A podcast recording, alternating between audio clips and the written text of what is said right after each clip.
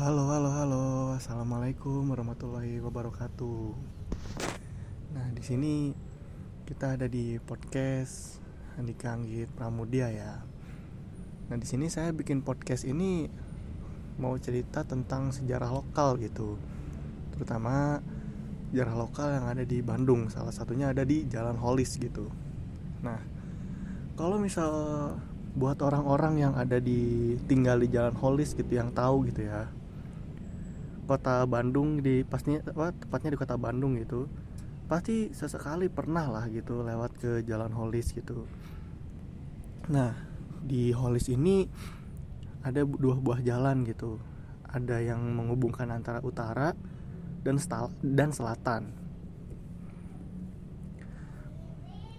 Lalu selanjutnya apa sih itu sejarah dari Jalan Holis itu sendiri? Nah kalau udah sejarah dari Jalan Holis ini itu ada yang namanya Battle of Fokerwork yaitu jalur diplomasi dan menyerang adalah strategi yang dijalankan oleh tentara sekutu dalam rangka merebut kembali Indonesia ke pangkuan Belanda.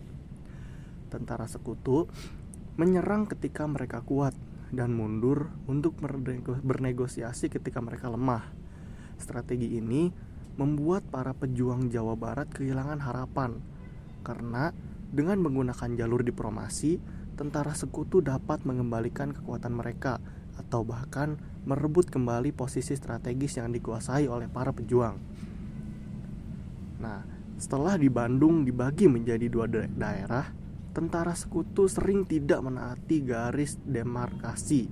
Akibatnya, di depan Bandung Timur atau front of Western Bandung, sekitar jalur kereta api selalu terjadi pertempuran. Nah, jalur kereta api ini itu jalannya itu jalan holis seperti itu. Pada pertempuran tersebut, tentara sekutu selalu kalah.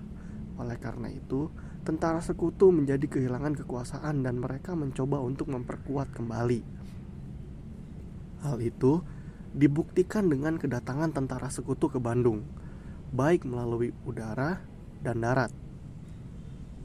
Melalui operasi udara atau airborne sebanyak 12 kali, dilakukan operasi penerjunan dengan menggunakan empat pesawat selama dua hari dengan titik pendaratan di Bandara Andir yang relatif aman karena pada radius 1 km terdapat penjagaan dari tentara Inggris.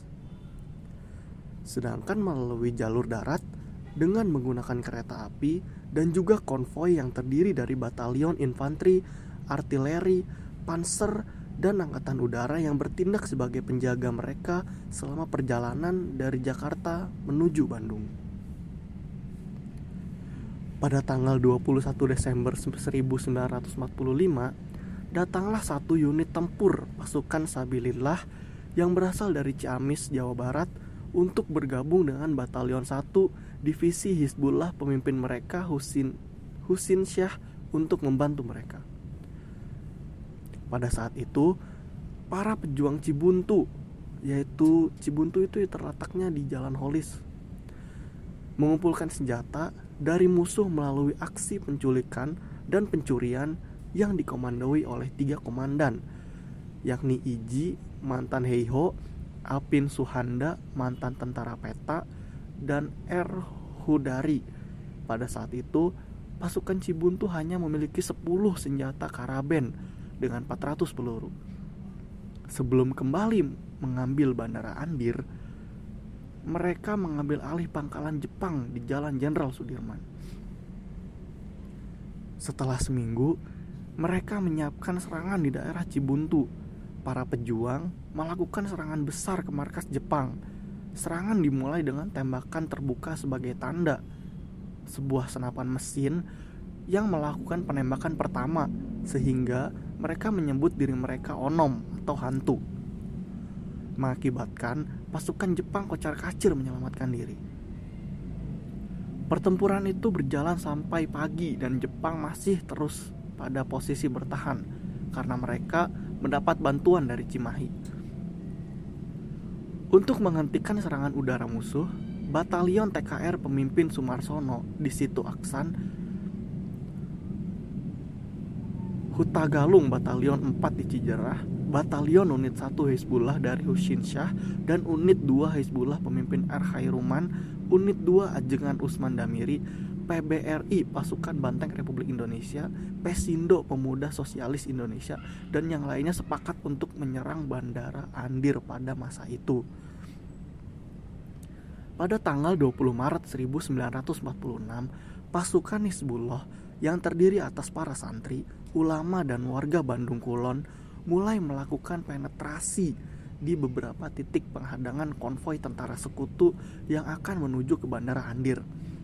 Pada tanggal 22 Maret 1946, para pejuang di Cibuntu mendapatkan perintah dari komandan batalion bahwa pada hari H semua elemen perjuangan harus melakukan penghadangan serta penyerangan terhadap konvoi tentara sekutu yang akan melewati jalan Fokker.